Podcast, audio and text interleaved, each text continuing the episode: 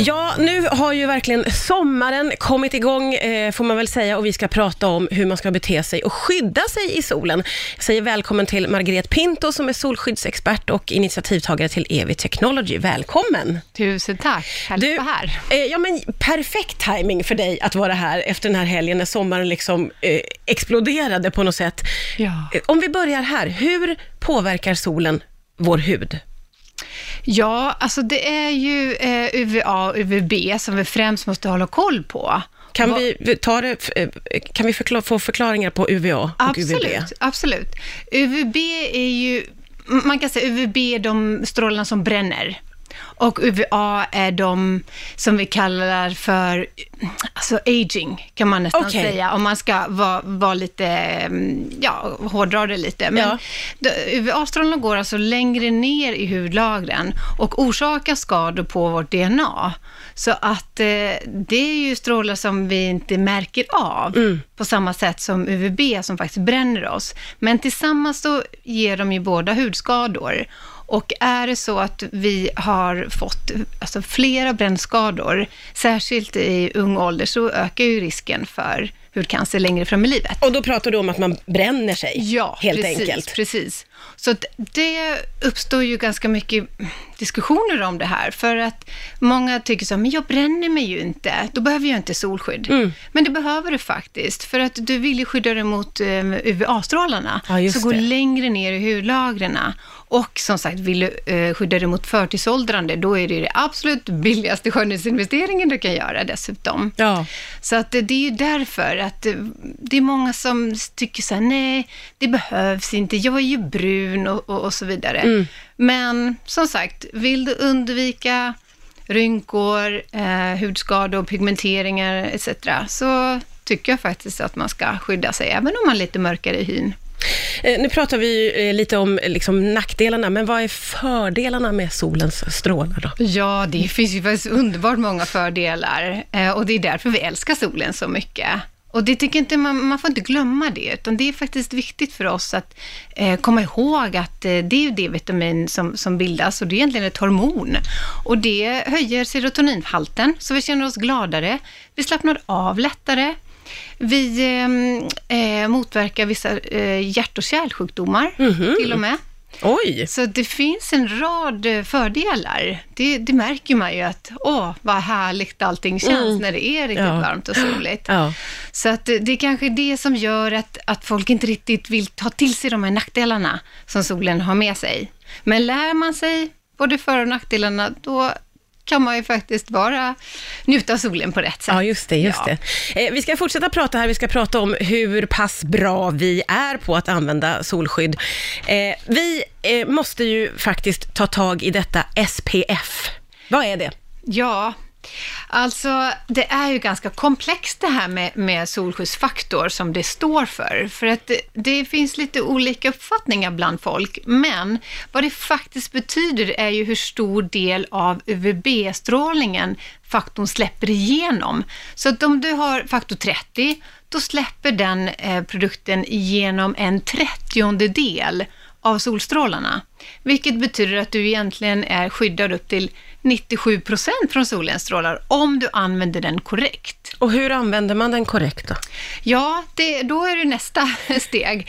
Du ska ju använda rätt mängd också för att uppnå den här faktorn som står på flaskan. Och det är lättare sagt än gjort. Okej. Ja, för att vi använder ungefär en tredjedel av rekommenderad mängd. Och en rekommenderad mängd till exempel för ansiktet är ju 5 milliliter.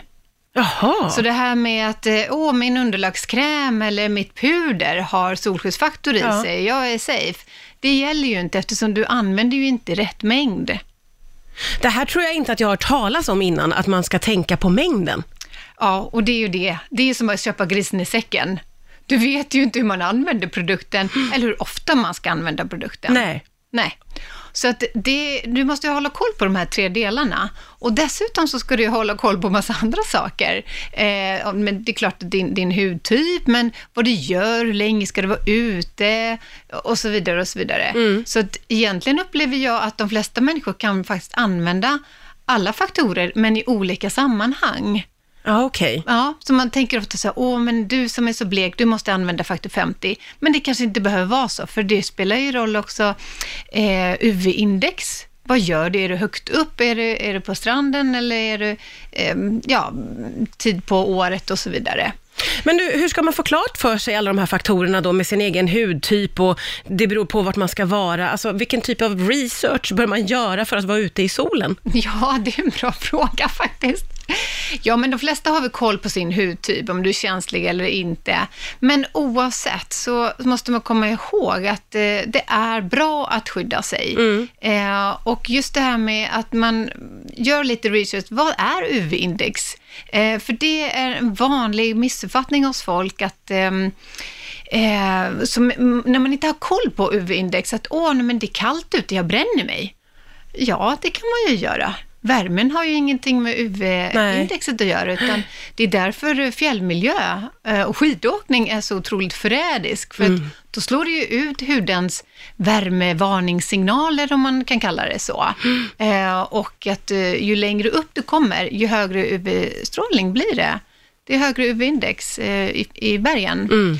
Så ibland säger jag att det säkraste sä- stället du kan vara på är stranden, för där tänker du i alla fall på att använda solskydd. Ja, ja, ja, där, är Ja. man i alla fall, där har man med Ja, sig en där har man flaska. koll på det. ja, liksom. precis. Men folk tänker inte, men jag solar inte. Nej, men det struntar solen i om du står, sitter på uteservering eller står och jobbar i trädgården eller vad du nu gör. Ja, just det. Eller När du är exponerad så måste du det. Man skydda. byggjobbare och så. Ja, ja, just det.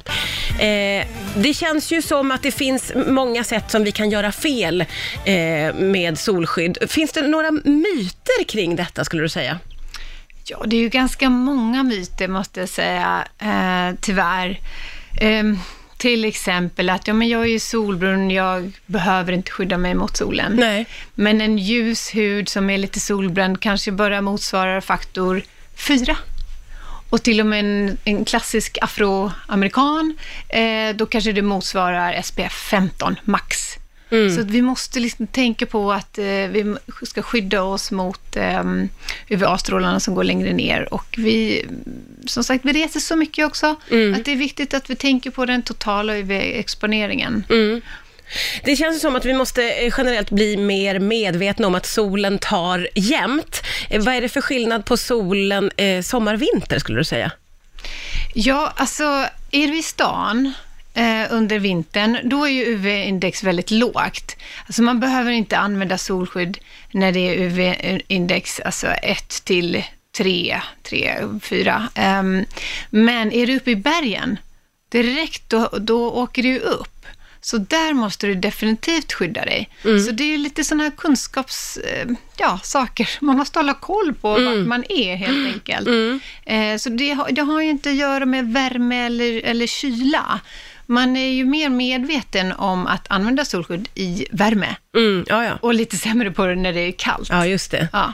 Men du, hur är det med när man befinner sig i skugga? Då, då tänker man ju att man är skyddad från solens strålar. Nej, det beror ju på eh, lite grann, men man kan säga att ungefär 50 procent av UV-strålningen finns ändå i skuggan.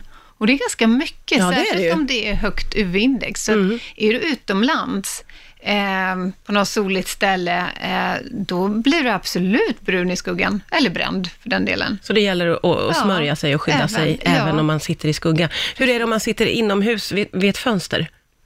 Ja, då får du fortfarande UVA-strålarna genom fönstret. Mhm. Ja.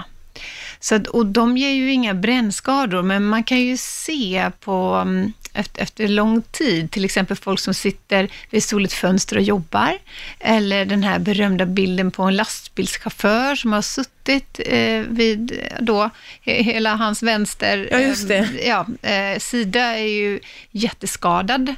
Ehm, det är ju klassiska Ja. hudskador istället. Och det är ju förtidsåldrandet eh, beror ju på i största delen solen. Det är ju 80 procent ungefär Mm, av mm. förtidsåldrandet är direkt hänvisat till UV-strålningen.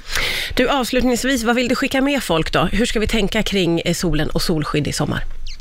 Ja, jag tänker att, men använd solskydd som rutin. Alltså precis som du använder din dagkräm eller ja, foundation, makeupen, lägg den. I alla fall så får du ett visst skydd. Mm. Så det tycker jag. Och läs gärna på. Du, du måste faktiskt engagera dig lite själv i det här. Mm. Och det är livsviktig information. Du kan faktiskt undvika eh, hudcancer och hudskador. Eh, så det, det är billigt att, Ja, ja, verkligen. att, att, att investera i det här. Ja, Absolut. det får man verkligen säga. Ja. Margret Pinto, tusen tack för att du kom till Rix FM idag. Tack så mycket själv.